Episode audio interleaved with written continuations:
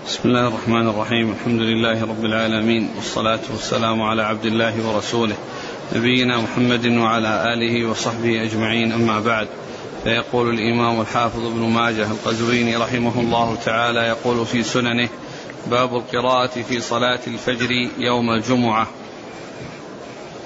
قال حدثنا أبو بكر بن خلاد الباهلي قال حدثنا وكيع وعبد الرحمن بن مهدي قال حدثنا سفيان عن مخول عن مسلم البطين عن سعيد بن جبير عن ابن عباس رضي الله عنهما أنه قال كان رسول الله صلى الله عليه وعلى آله وسلم يقرأ في صلاة الصبح يوم الجمعة ألف لام ميم تنزيل السجدة وهل أتى على الإنسان؟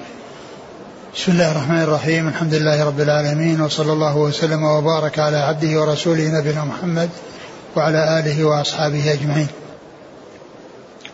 أما بعد فيقول الإمام ابن ماجه رحمه الله باب في القراءة في الفجر بألف لام من السجدة وهل أتى على الإنسان.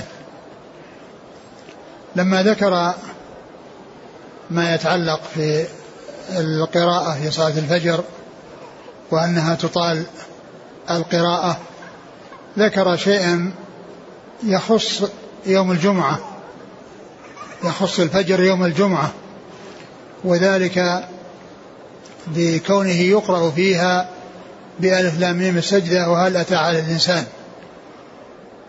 وقد قيل في الحكمة في جعل هاتين السورتين تقرآن في ذلك اليوم لأن لأنهما مشتملتان على ذكر المبدأ والمعاد.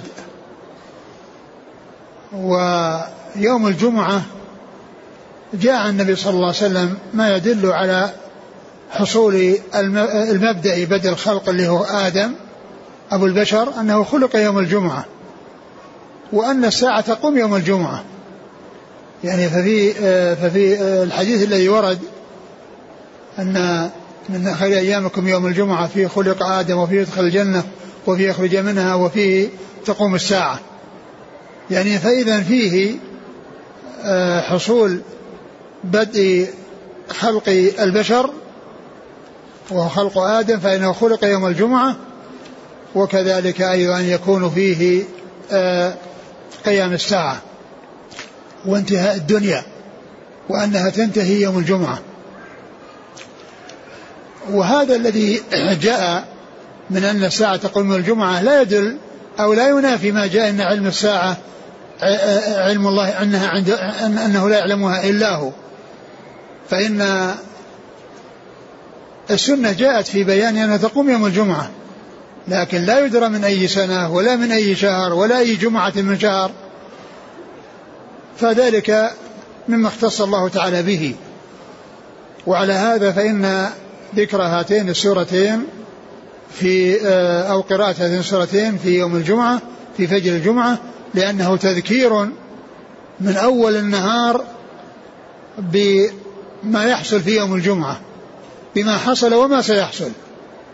ما حصل في الماضي من خلق آدم يوم الجمعة وما يحصل في المستقبل من أن الساعة تقوم يوم الجمعة.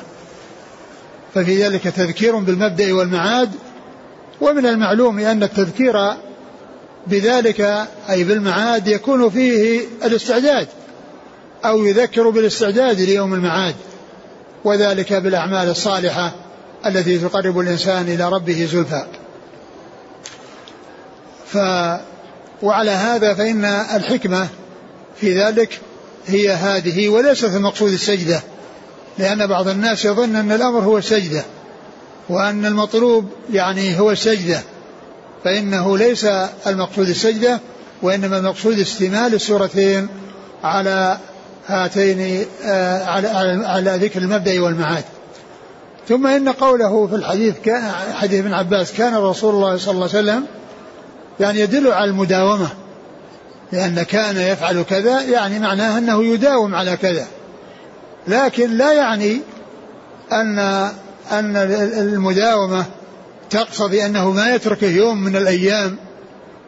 فبعض أهل العلم قال إنه تكره المداومة على ذلك يعني لئلا يظن الناس أن أنها واجبة وأنها متحتمة وأنه لو لم تفعل فإنه ينكر على من يفعلها على من من لم يأتي بها لأنه ترك أمرا يعني لا يجوز تركه. ف فكان تدل على الاستمرار وقد جاء ما يدل على أنها تأتي لغير الاستمرار التي هي كان تأتي لغير الاستمرار. وذلك في حديث عائشة رضي الله عنها أم المؤمنين أنها قالت كنت أطيب رسول الله صلى الله عليه وسلم لإحرامه قبل أن يحرم ولحله قبل أن يطوف بالبيت. فإن قولها ولحله قبل أن يطوف بالبيت اللي هو طواف الإفاضة معلوم أن الحج ما تكرر من رسول الله صلى الله عليه وسلم وإنما حج مرة واحدة عليه الصلاة والسلام. فقولها كنت أطيبه لإحرامه قبل أن يحرم ولحله قبل أن يطوف البيت.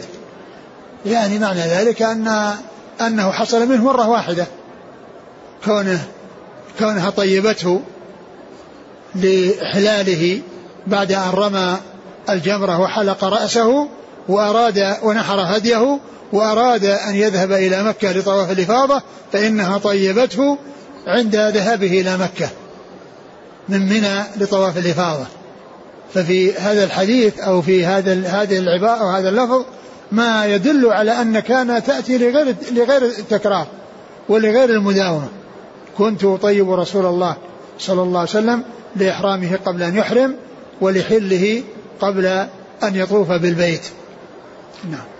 قال حدثنا أبو بكر بن خلاد الباهلي. هو محمد بن خلاد وهو ثقة.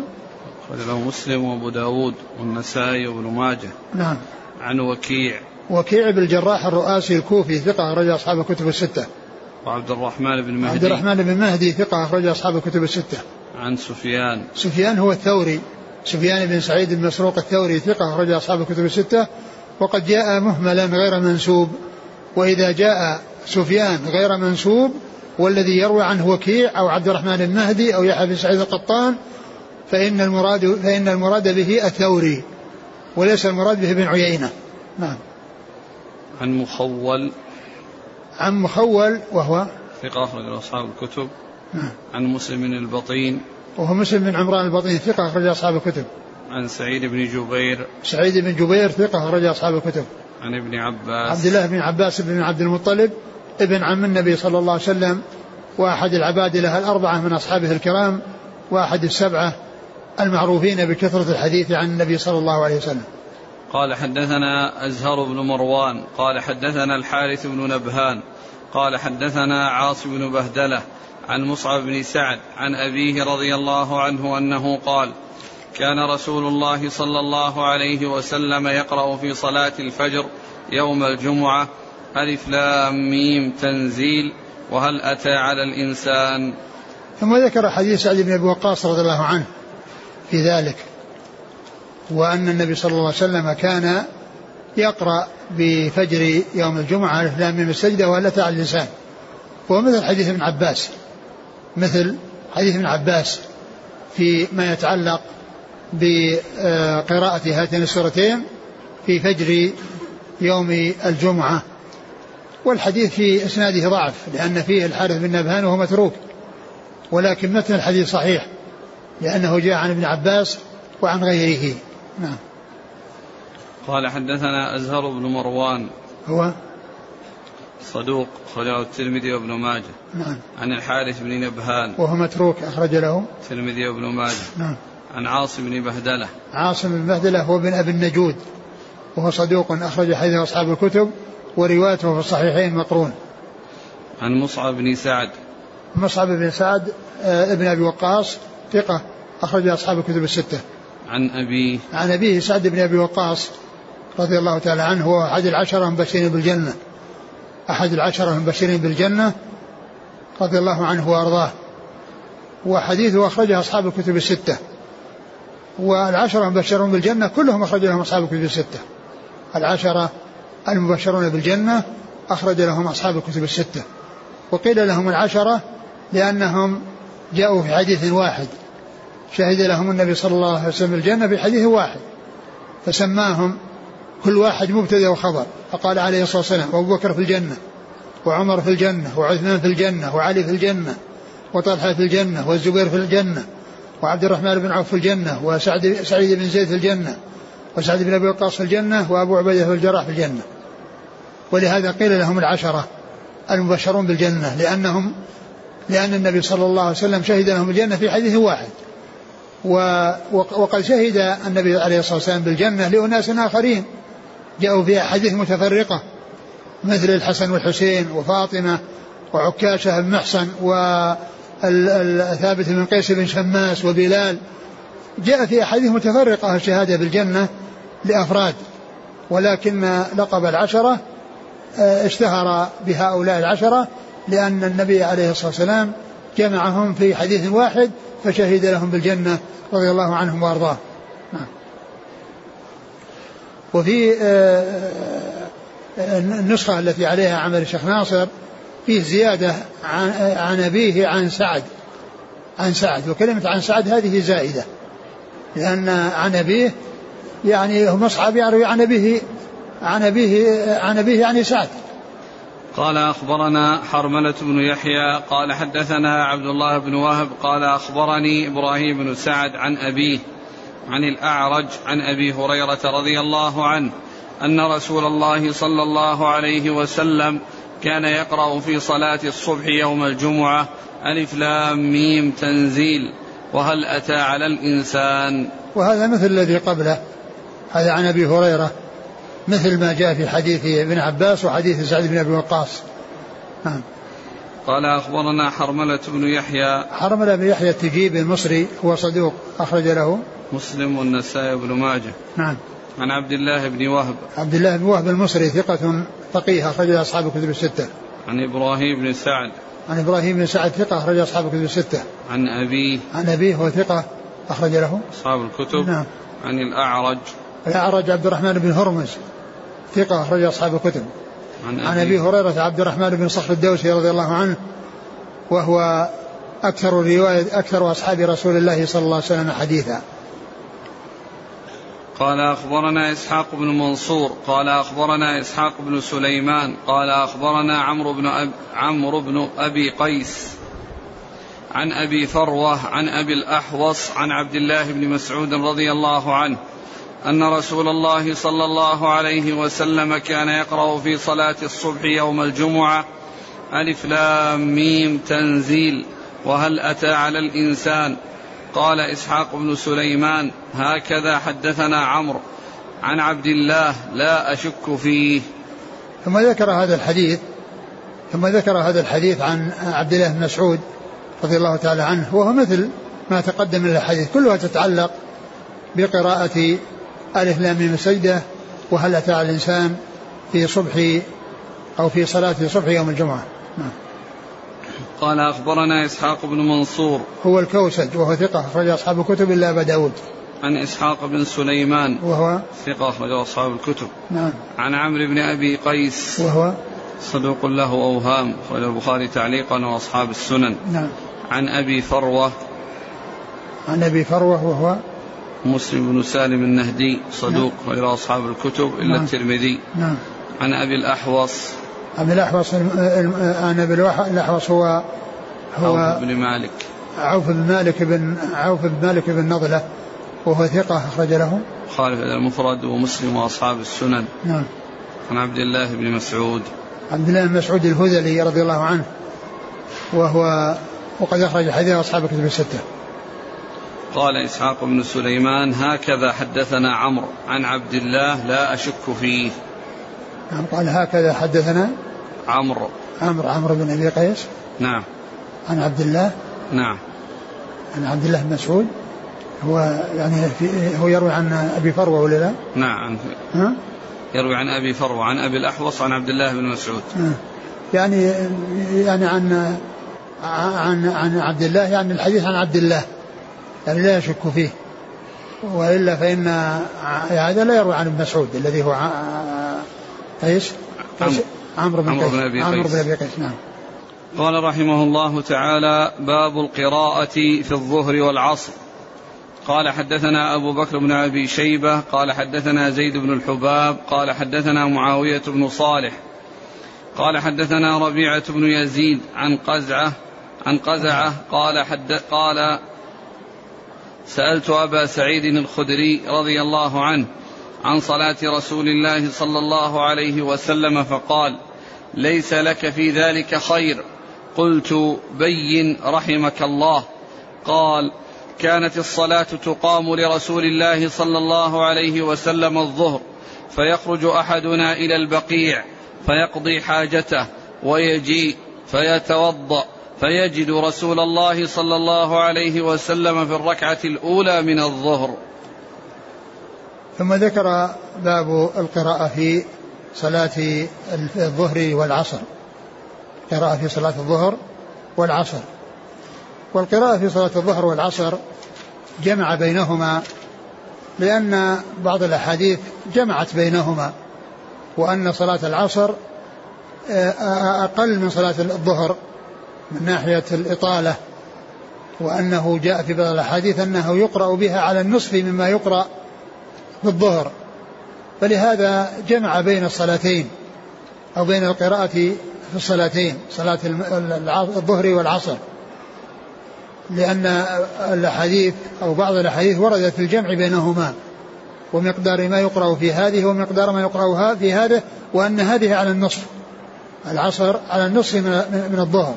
الظهر تطال فيها القراءة وكذلك الفجر لأن الفجر والظهر هما اللتان تطال فيهما القراءة أطول من غيرهما وهذه سرية وهذه جارية.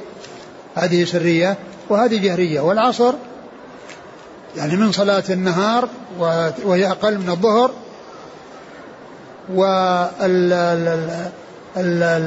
والعشاء هي قريبة من صلاة العصر بمعنى أنها لا تطال فيها القراءة مثل ما تطال في الظهر ومثل ما تطال في الفجر. وأما المغرب فقد جاء أنها تطال جدا في بعض الأحيان كما حصل رسول الله صلى الله عليه وسلم في قراءة سورة الأعراف وفي بعض الأحاديث المرسلات وفي بعضها في الطور وفي بعضها بما هو أقل من ذلك.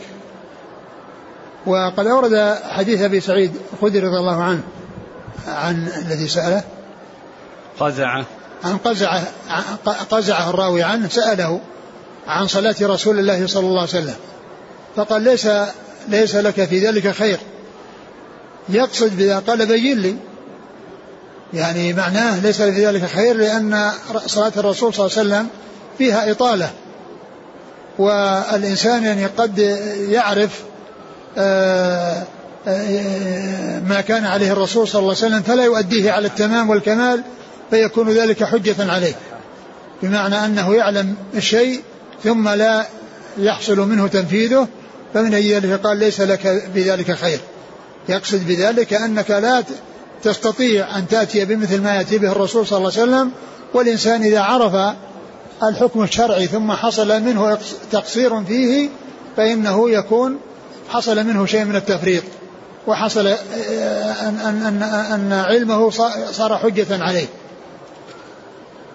وقد مر بنا في الحديث عن النبي صلى الله عليه وسلم في حديث أبي مالك الأشعري والقرآن حجة لك أو عليك. والقرآن حجة لك أو عليك يعني حجة لك إن قمت بما يعني يجب عليك نحوه من الالتزام بما فيه امتثال الأوامر واجتناب النواهي وتصديق الأخبار وحجة عليك إذا كنت بخلاف ذلك. فهنا قوله ليس لك في ذلك خير يعني أن أنك إذا علمت ذلك ثم حصل منك التقصير معنى ذلك أنك لم تنفذ ذلك الشيء الذي عرفته ولم تعمل بالشيء الذي عرفته فيكون آه، علمك حجة عليك نعم قال بين لي. نعم. قال بين رحمك الله. قال بين رحمك الله. هنا قال رحمك الله هذه يعني قيلت في حق الصحابي أبي سعيد الخدري رضي الله عنه. والمشهور عند السلف أن الصحابة يترضى عليهم يترضى عنهم وغيرهم يترحم عليهم. وقد يترضى عن غير الصحابة ويترحم عن الصحابة على الصحابة. وهذا من الترحم على الصحابة لأن هذا التابعي قال رحمك الله. قال رحمك الله. يعني وإلا فإن المشهور الذي آه، آه، اشتهر عند السلف أنهم يترضون عن أصحاب الرسول صلى الله عليه وسلم. وهذه علامة يعني لهم بأن يقال رضي الله عنه.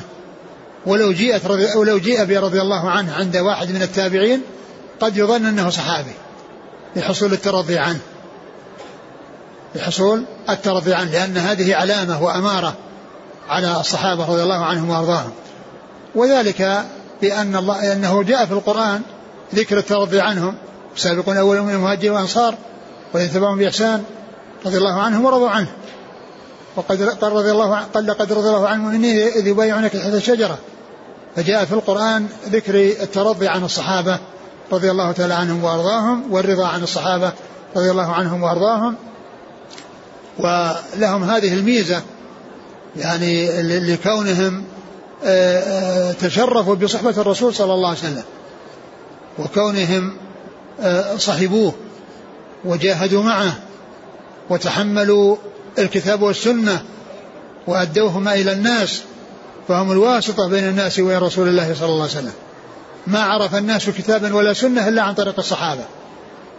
ما عرف الناس الحق والهدى إلا عن طريق الصحابة.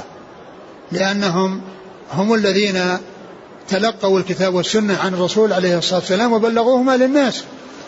فصار لهم فضل على كل من جاء بعدهم لأنهم الواسطة بين الناس وبين رسول الله صلى الله عليه وسلم.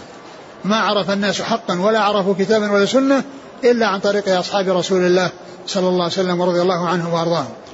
ولهذا صاروا أفضل من غيرهم كما جاء في الحديث خير الناس قرني ثم الذين يلونهم ثم الذين يلونهم. خير الناس قرنه لأنهم هم الذين رأوا الرسول صلى الله عليه وسلم. هم الذين متع الله أبصارهم برؤية طلعة النبي صلى الله عليه وسلم في هذه الحياة الدنيا. وكذلك سمعوا صوته وسمعوا كلامه صلى الله عليه وسلم ورضي الله عنهم وأرضاهم. فصار لهم ميزة على غيرهم. ولهذا قال خير الناس قرني ثم الذين يلونهم. الذين يلونهم هم الذين رأوا الصحابة التابعين. لأنهم ما رأوا الرسول صلى الله عليه وسلم ولكن رأوا العيون التي رأت الرسول صلى الله عليه وسلم. رأوا العيون التي رأت النبي عليه الصلاة والسلام ورضي الله تعالى عن الصحابة ورحم الله التابعين. ثم يليهم أتباع التابعين الذين جاءوا بعدهم وهؤلاء هم خير القرون. خير الناس قرني ثم الذين يلونهم ثم الذين يلونهم. قال رحمك الله. حاصل أن الصحابة اشتهر الترضي عنهم واشتهر عن غيره على عن غيرهم الترحم عليهم وقد يترحم على الصحابة وقد يترضى عن غير الصحابة ويدعى بالرضا لغير الصحابة. نعم رحمك الله. قال كانت الصلاة تقام لرسول الله صلى الله عليه وسلم الظهر فيخرج أحدنا إلى البقيع فيقضي حاجته ويجيء فيتوضأ فيجد رسول الله صلى الله عليه وسلم في الركعة الأولى من الظهر. وهذا يعني يبين بأن صلاة الظهر تطال وأن الركعة الأولى تطال أكثر. وقد جاء في بعض الأحاديث ما يدل على ذلك. لأن الركعة الأولى تطول فيها القراءة من أجل أن يدرك الناس أو لأنهم أولا في النشاط وفي أول الصلاة في نشاط. وأيضا ليدرك الناس الركعة. كما كما جاء مبينا في حديث قصة قتل عمر رضي الله عنه واستشهاده وذلك أن عمرو بن ميمون كما في صحيح البخاري قال إن أنه لما كان يصلي بالناس الصبح وكان يعني يتفقد الصفوف يسويها ثم يتقدم ويصلي ويقرأ يعني أحيانا بسورة يوسف وأحيانا بسورة النحل ليدرك الناس الصلاة. يعني أنه يطول ليدرك الناس الصلاة. يعني يدرك الناس الركعة. يدرك, يدرك الناس الركعة الأولى فإذا انتهت تطال. وفي هذا الحديث يقول لما بين أبو سعيد لما بين له صلاة الرسول صلى الله عليه وسلم قال تقام صلاة الرسول صلى الله عليه وسلم.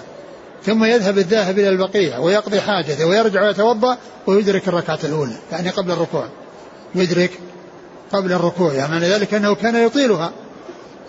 وإذا الركعة الأولى تطال أكثر وتطال القراءة آه، في آه، صلاة الظهر كثيرا كما أنها تطال كثيرا في صلاة الفجر. نعم. قال حدثنا أبو بكر بن أبي شيبة. ثقة أخرج أصحاب الكتب إلى الترمذي. عن زيد بن الحباب. وهو صدوق أخرج له أصحاب الكتب. البخاري القراءة ومسلم وأصحاب السنن. نعم. عن معاوية بن صالح. وهو؟ صدوق له أوهام أخرج البخاري في القراءة ومسلم وأصحاب السنن. نعم. عن ربيعة بن يزيد. وهو؟ ثقة أخرج أصحاب الكتب. نعم. عن قزعة. وهو؟ ثقة أخرج أصحاب الكتب نعم. عن أبي سعيد الخدري. أبي سعيد الخدري سعد بن مالك بن سنان رضي الله تعالى عنه وهو أحد السبعة المكثرين من حديث رسول الله صلى الله عليه وسلم. قال سألت أبا سعيد الخدري عن صلاة الرسول صلى الله عليه وسلم فقال ليس لك في ذلك خير. يعني معرفتك بصلاة الرسول صلى الله عليه وسلم يعني من جهة أنك تقصر قد تقصر. يعني لازم الناس يعني لابد أن يعرفوا أفعال الرسول صلى الله عليه وسلم. لكن كونه يفعل كونه يعرف آه، آه، فعله أو كيفية صلاته ليفعل مثل ما فعل قد يحصل منه تقصير فيكون ذلك حجة عليه لأنه علم ولم يعمل. نعم. فهنا سائل يقول إذا معرفتنا لصفة صلاة النبي صلى الله عليه وسلم حجة علينا إذا قصرنا؟ نعم نعم بلا شك. يعني كون الإنسان يعرف الحق ثم يقصر علمه يكون حجة عليه. إن لم يكن حجة له فهو حجة عليه. والنبي صلى الله عليه وسلم قال والقرآن حجة لك أو عليك. إما هذا وإما هذا. وهذا يقول هل يستفاد من هذا ألا يسأل الإنسان عن الأحكام خشية ألا يعمل بما علم؟ لا. يسأل. يسأل. ولكن عليه أن يسأل وعليه أن يعمل. نعم يتفقه في الدين ويسأل عن أمور دينه. نعم. قال حدثنا علي بن محمد قال حدثنا وكيع قال حدثنا الأعمش عن عمارة بن عمير عن أبي معمر قال قلت لخباب رضي الله عنه بأي شيء كنتم تعرفون قراءة رسول الله صلى الله عليه وسلم في الظهر والعصر؟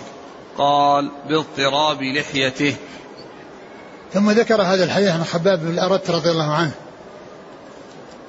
وقد سئل بأي شيء كنتم تعرفون قراءة رسول الله صلى الله عليه وسلم في الصلاة في الظهر والعصر يعني صلاة السرية.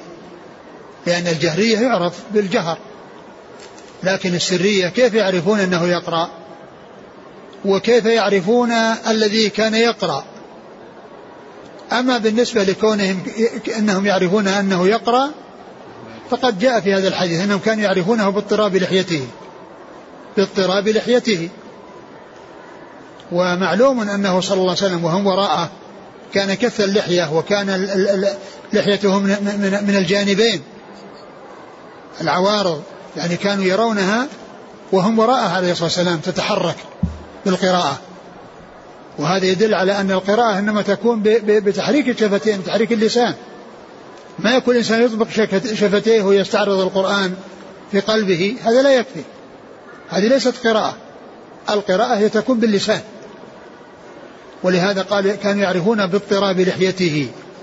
وذلك بأنه كان يقرأ ويحرك ويتحرك فكه فكه الأسفل الذي فيه اللحية. فكانوا يرون اللحية من اليمين والشمال وكان كث اللحية عليه الصلاة والسلام فكانوا يعرفون ذلك باضطراب لحيته. وهذا يدل على يعني هذا السؤال يدل على ما كان يعني عليه التابعون من الحرص على معرفة السنن وكذلك يدل على ما كان عليه الصحابة من معرفة الأحكام مطلقا سواء كانت في تعلق الصلاة السرية أو الصلاة الجهرية لأنهم يستدلون على قراءته باضطراب لحيته عليه الصلاة والسلام. وأما ما يتعلق بالسور التي تقرأ فكانوا يعرفون ذلك بالجهر بالآية أحيانا. لأنه كان يجهر في الآية السرية في السرية أحيانا فيعرفون أنه يقرأ هذه السورة. إذا سمعوا منها آية أو شيء من آية عرفوا أنه يقرأ بهذه السورة. وقد مر بنا يعني في صلاة الفجر أن النبي صلى الله عليه وسلم كان يقرأ وفي في والنخل باسقة لها طلع النظير يعني يقرأ سورة قاف. يعني لأنه ذكر آية من هذه السورة. وكذلك بالفجر وكذلك في آه، فلا أقسم بالخنس الجوار الكنس. يعني أنه يقرأ فلا أقسم بالخنس الجوار الكنس يعني سورة إذا الشمس كورت سورة التكوير. فكانوا يستدلون على كونه يقرأ باضطراب اللحية. ويستدلون على معرفة ما كان يقرأ بذكر أو بالجهر بالآية أحيانا من السورة فيعرفون السورة التي كان يقرأها في الصلاة السرية التي هي صلاة العصر وصلاة آه، آه، الظهر والعصر نعم.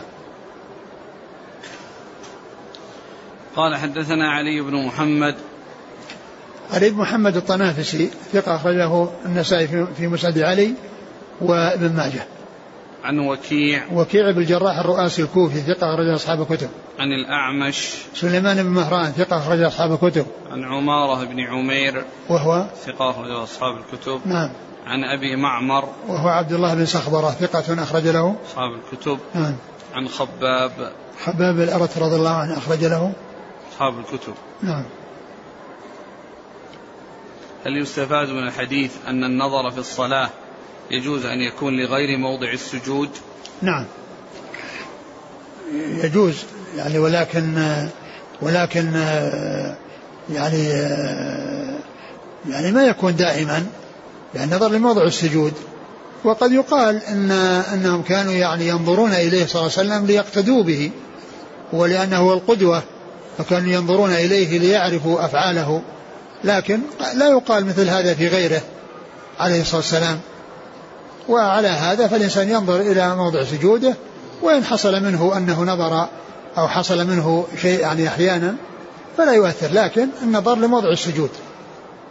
قال حدثنا محمد بن بشار قال حدثنا أبو بكر الحنفي قال حدثنا الضحاك بن عثمان قال حدثني بكير بن عبد الله بن الأشج عن سليمان بن يسار عن أبي هريرة رضي الله عنه أنه قال ما رأيت أحدا أشبه صلاة برسول الله صلى الله عليه وسلم من فلان.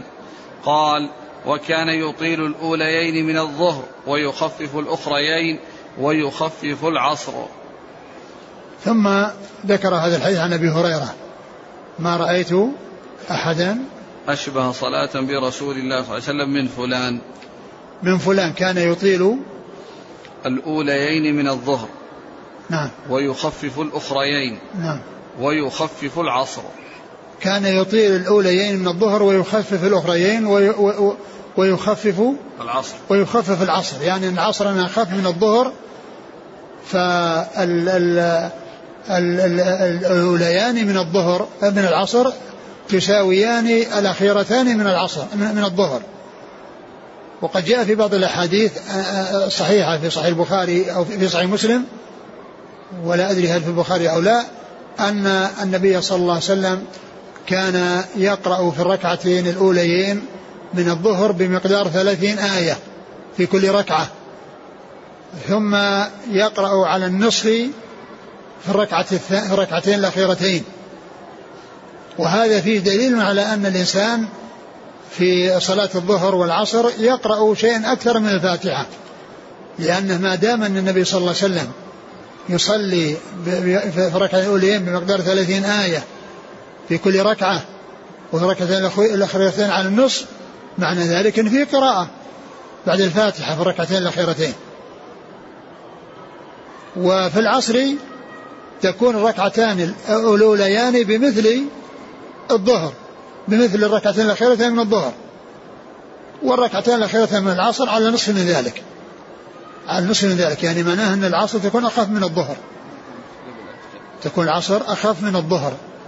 وأن الرسول صلى الله عليه وسلم كان يطيل في الأوليين بمقدار ثلاثين آية لكل ركعة وعلى النصف من ذلك الركعتان الأخيرتان يعني معناه أنه يقرأ خمسة عشر آية في كل ركعة بعد الفاتحة وفي العصر يعني معناه يقرأ خمسة عشر آية في كل ركعة وفي الركعتين الأخيرتين من العصر يعني يقرأ على نصف ذلك يعني سبع آيات.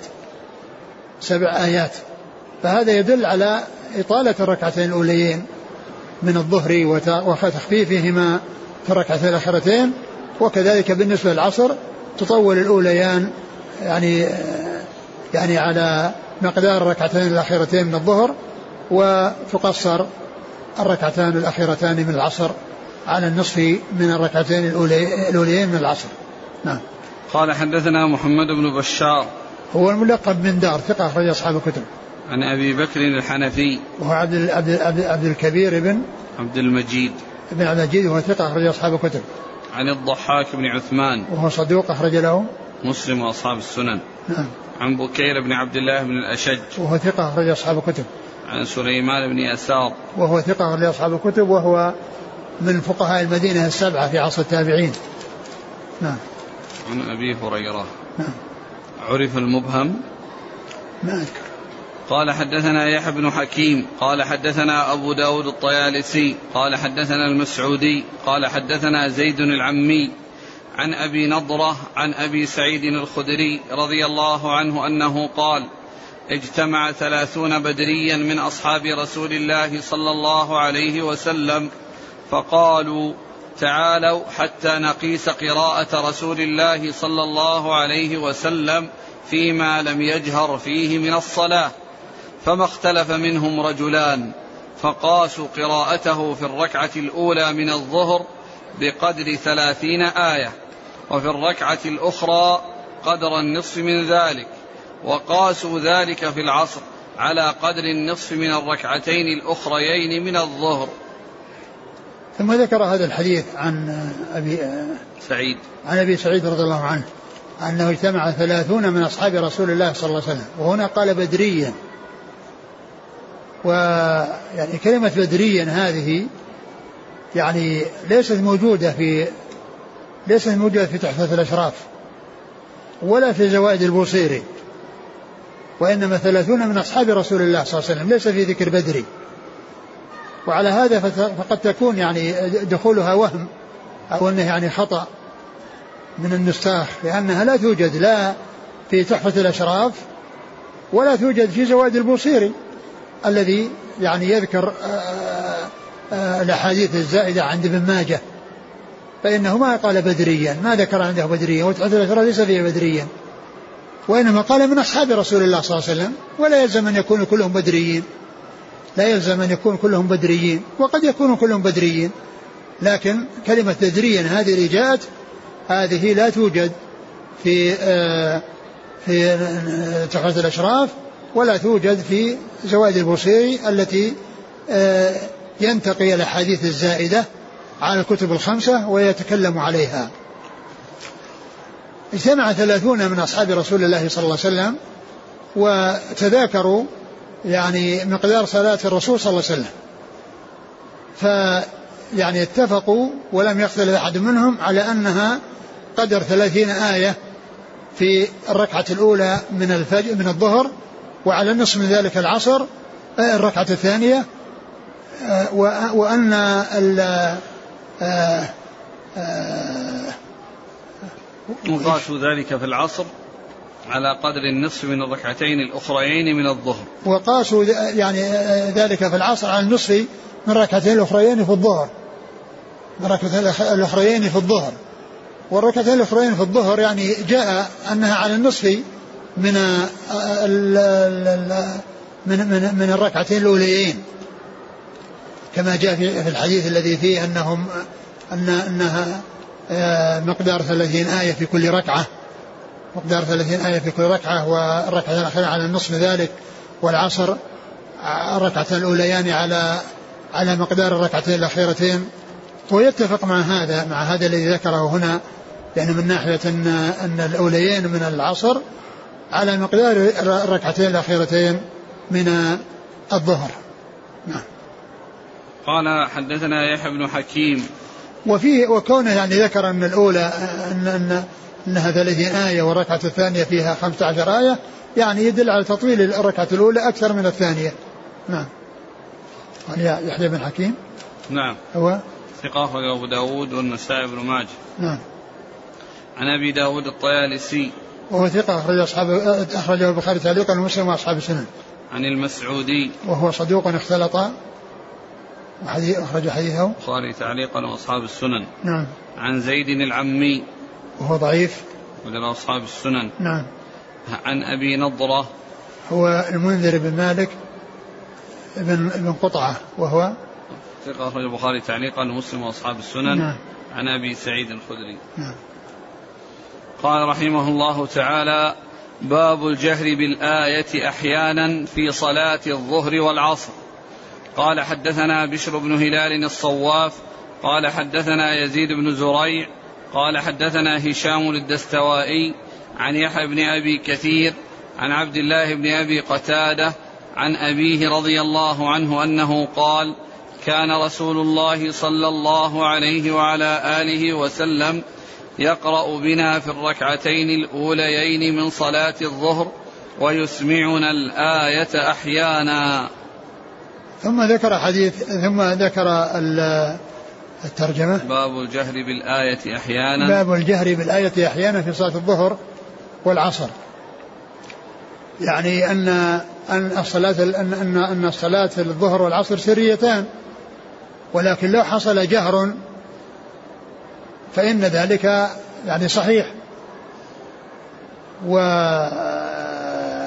عليه الصلاة والسلام يعني يجهر بالآية أحيانا ويكون هذا الجهر من منه صلى الله عليه وسلم قد يكون المقصود به أنه يعني يعلمهم أو يعني يفهمهم الشيء الذي كان يقرأ فيه حتى يعرفوا السورة التي تقرأ في في آه، هذه الصلوات السرية.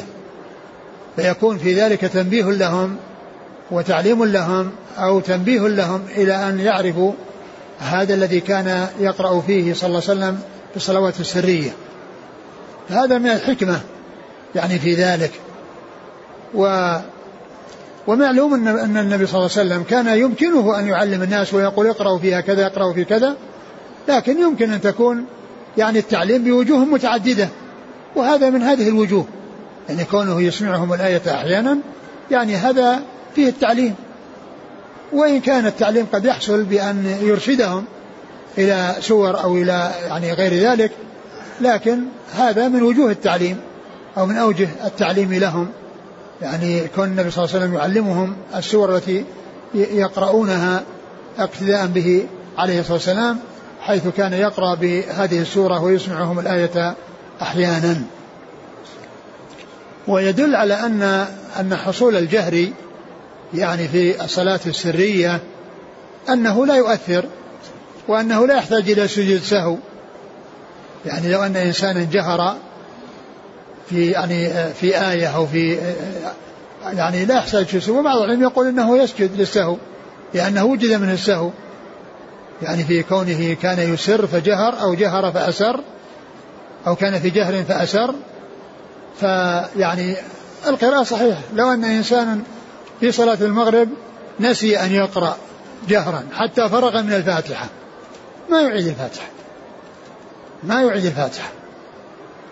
وكذلك لو جهر في هذا وقيل سبحان الله وسكت ما يعيد الذي قرأه. ما يعيد الذي قرأه بل يبني على الشيء الذي حصل. نعم. قال حدثنا بشر بن هلال الصواف. هو ثقة أخرجه مسلم وأصحاب السنن. نعم. عن يزيد بن زريع. ثقة أخرج أصحاب الكتب. عن هشام الدستوائي. ثقة أخرج أصحاب الكتب. عن يحيى بن أبي كثير. اليمامي وهو ثقة أخرج أصحاب الكتب. عن عبد الله بن أبي قتادة. ثقة أخرج أصحاب الكتب. عن أبيه. أبوه قتادة الحارث بن ربعي الأنصاري رضي الله عنه أخرج له أصحاب الكتب. قال حدثنا عقبة بن مكرم قال حدثنا سلم بن قتيبة عن هاشم بن البريد عن أبي إسحاق عن البراء بن عازب رضي الله عنهما أنه قال كان رسول الله صلى الله عليه وسلم يصلي بنا الظهر فنسمع منه الآية بعد الآيات من سورة لقمان والذاريات. ثم ذكر يعني هذا الحديث أن النبي صلى الله عليه وسلم كان يصلي بهم الظهر فيسمعون الآية بعد الآية من سورة لقمان والذاريات. يعني معناه أنه كان يقرأ في الظهر بسورة لقمان وبسورة الذاريات. وهذا يعني من التطويل في القراءة. هذا فيه تطويل بالقراءة في صلاة الظهر. نعم. قال حدثنا عقبة بن مكرم هو ثقة أخرج له مسلم وأبو داود والترمذي وابن ماجه. نعم. عن سلم بن قتيبة. وهو أبو قتيبة سلم بن قتيبة وهو صدوق. البخاري وأصحاب البخاري وأصحاب السنن عن هاشم بن البريد. وسلم بن قتيبة أبو قتيبة يعني وافقت كنيته اسم أبيه. وافقت كنيته اسم أبيه.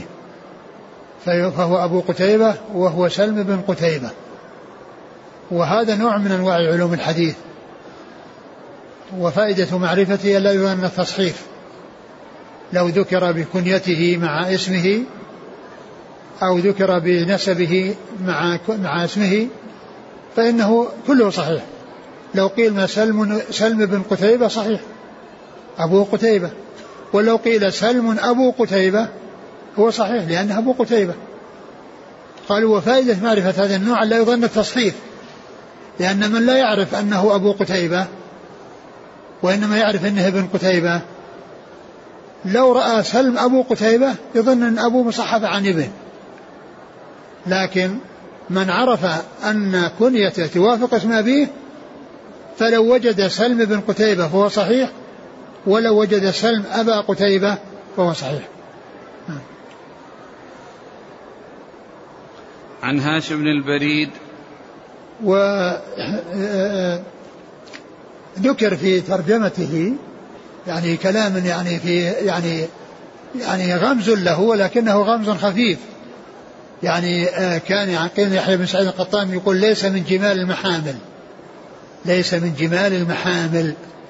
يعني جمال المحامل يعني التي يعني يستفاد منها كثيرا وتحمل الأثقال. فهو ليس من جمال المحامل يعني لا ليس يعني في الدرجة العالية ولهذا هو صدوق. يعني ليس ليس لا لا يقال إنه ثقة وإنما هو صدوق دون الثقة. نعم. عن هاشم بن البريد هو ثقة أخرج أبو داود والنسائي بن ماجه. نعم. عن أبي إسحاق. وهو عمرو بن عبد الله الهمداني السبيعي ثقة أخرج أصحاب الكتب. عن البراء, البراء بن عازب. رضي الله تعالى عنهما أخرج له أصحاب الكتب.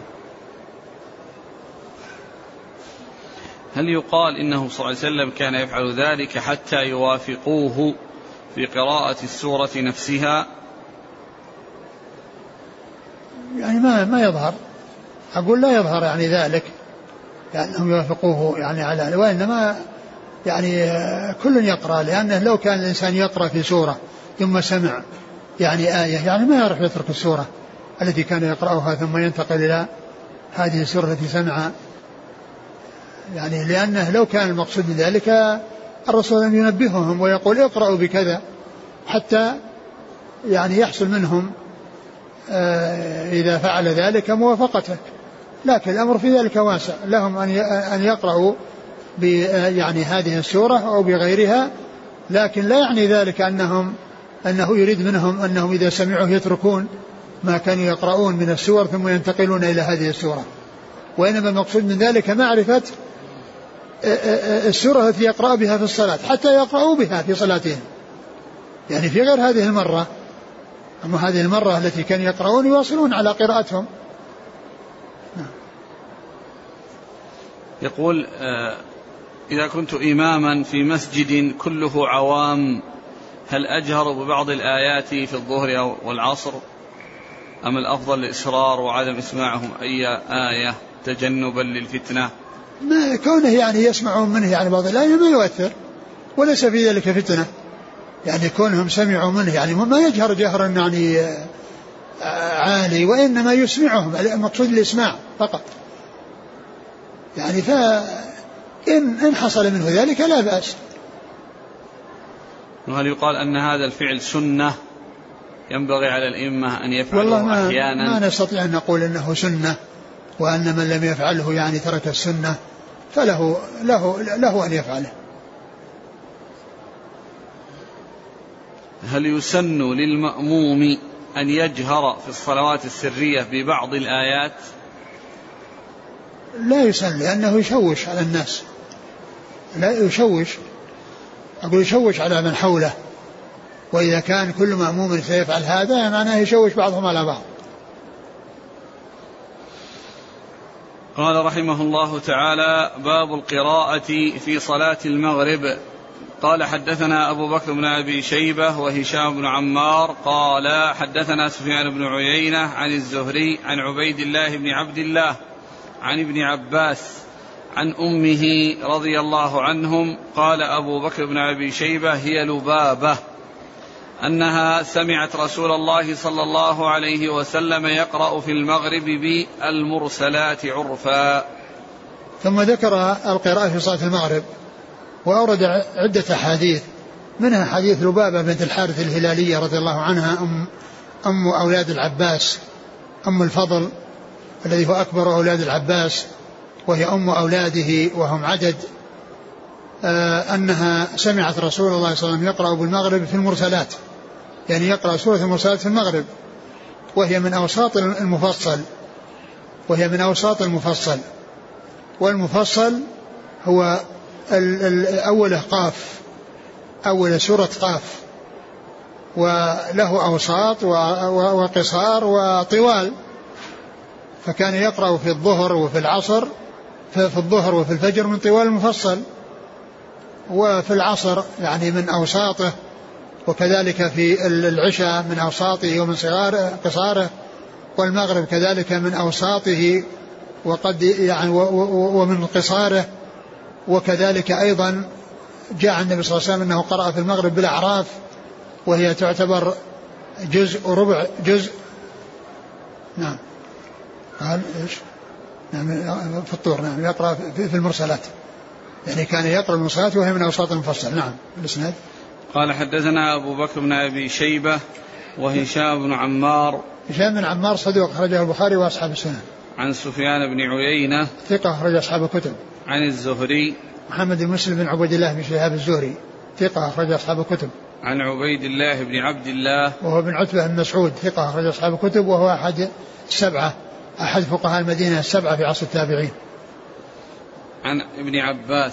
عن ابن عباس رضي الله عنهما عن أمه لبابة بنت الحارث الهلالية أخت أم المؤمنين ميمونة بنت الحارث ولبابة بنت الحارث الهلالية أخرجها أصحاب الكتب.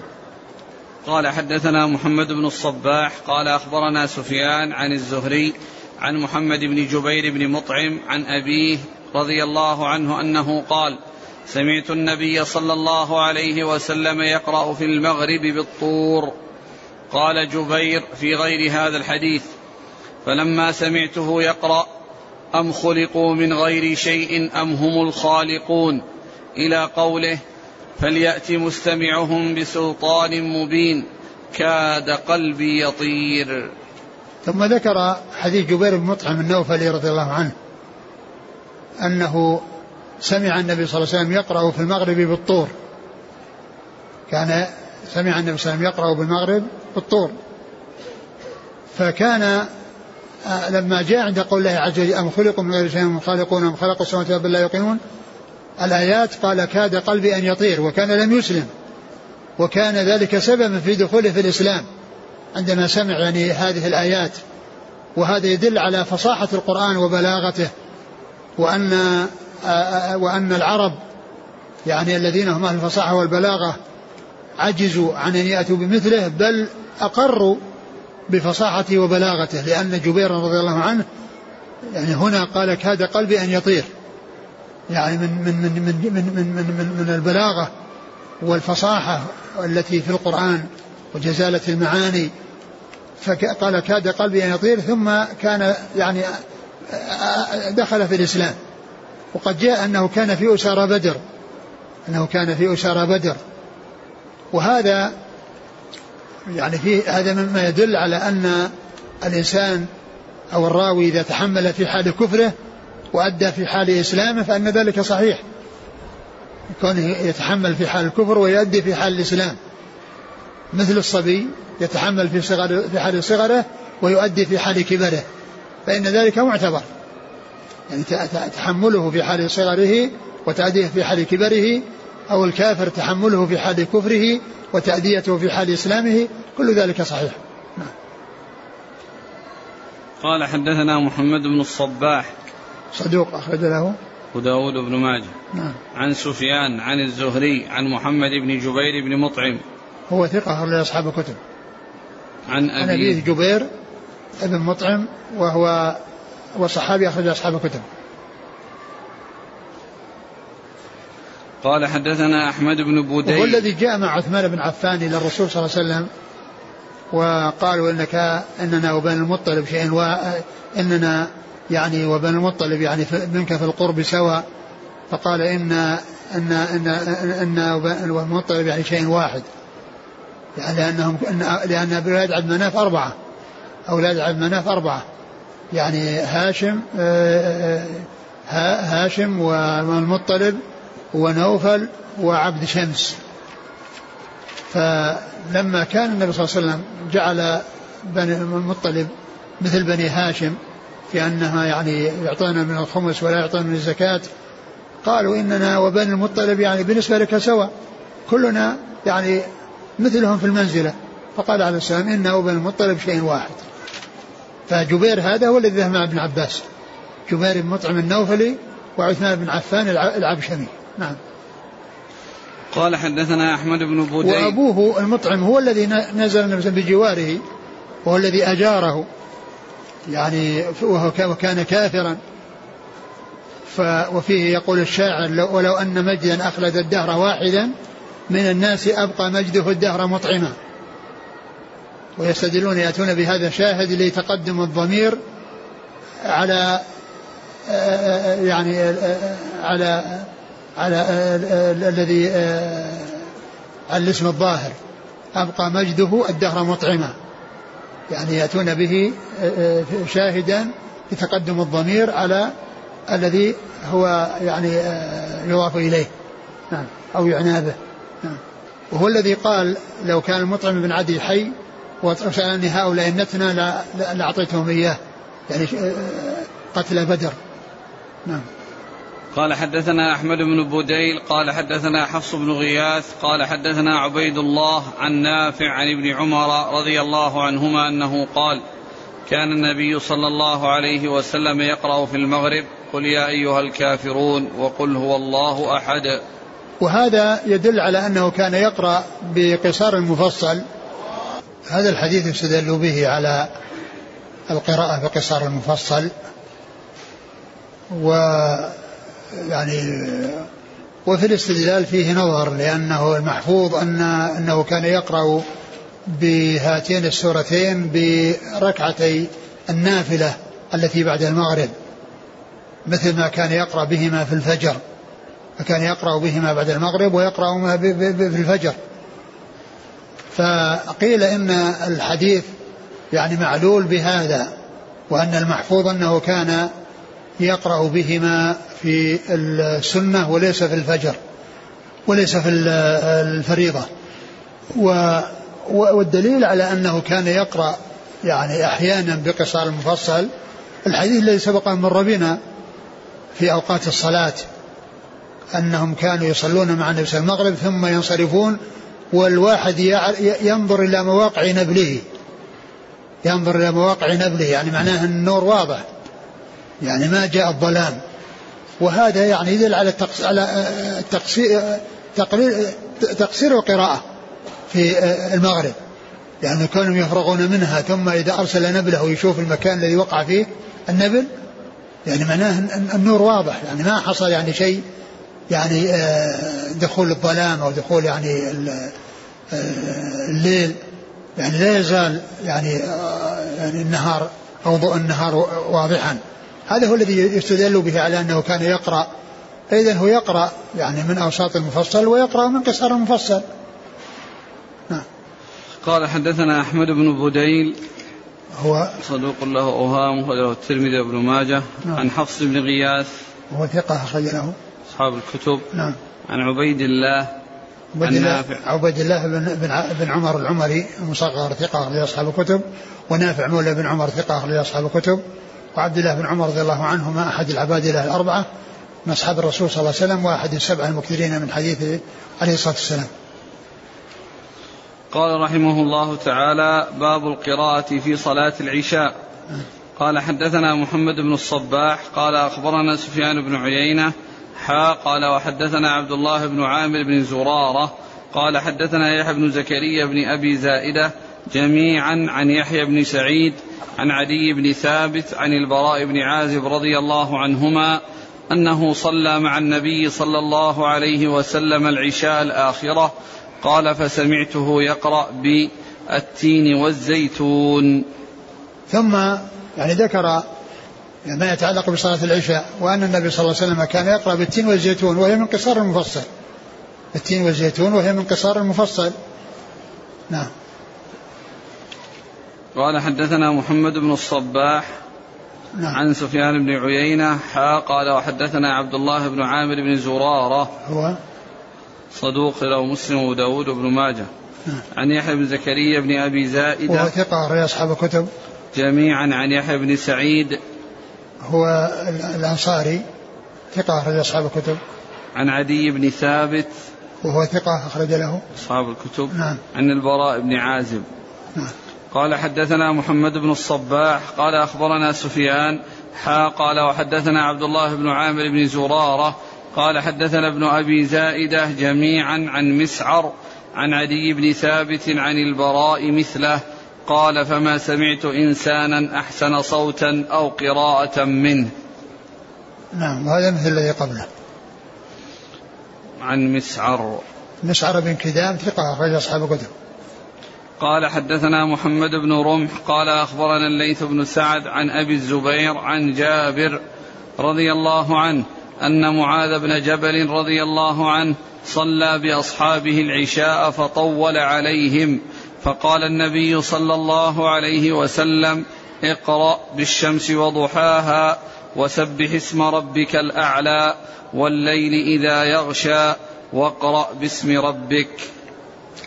ثم ذكر آه، حديث آه، جابر. جابر رضي الله عنه أن معاذ بن جبل صلى بأصحابه يوما فطول فبلغ ذلك النبي صلى الله عليه وسلم وأمره بأن يقرأ بهذه السور. يعني في صلاة العشاء وهي الشمس وضحاها والليل إذا يغشى وسبح اسم ربك الأعلى ويقرأ باسم ربك. يعني مثل هذه السور التي يعني لا تعتبر من القصار جدا ولكنها متوسطة أو قريبة من المتوسط. نعم. قال حدثنا محمد بن رمح. هو المصري ثقة أخرج حديثه مسلم وابن ماجه. عن الليث بن سعد. ثقة أخرج أصحاب الكتب. عن أبي الزبير.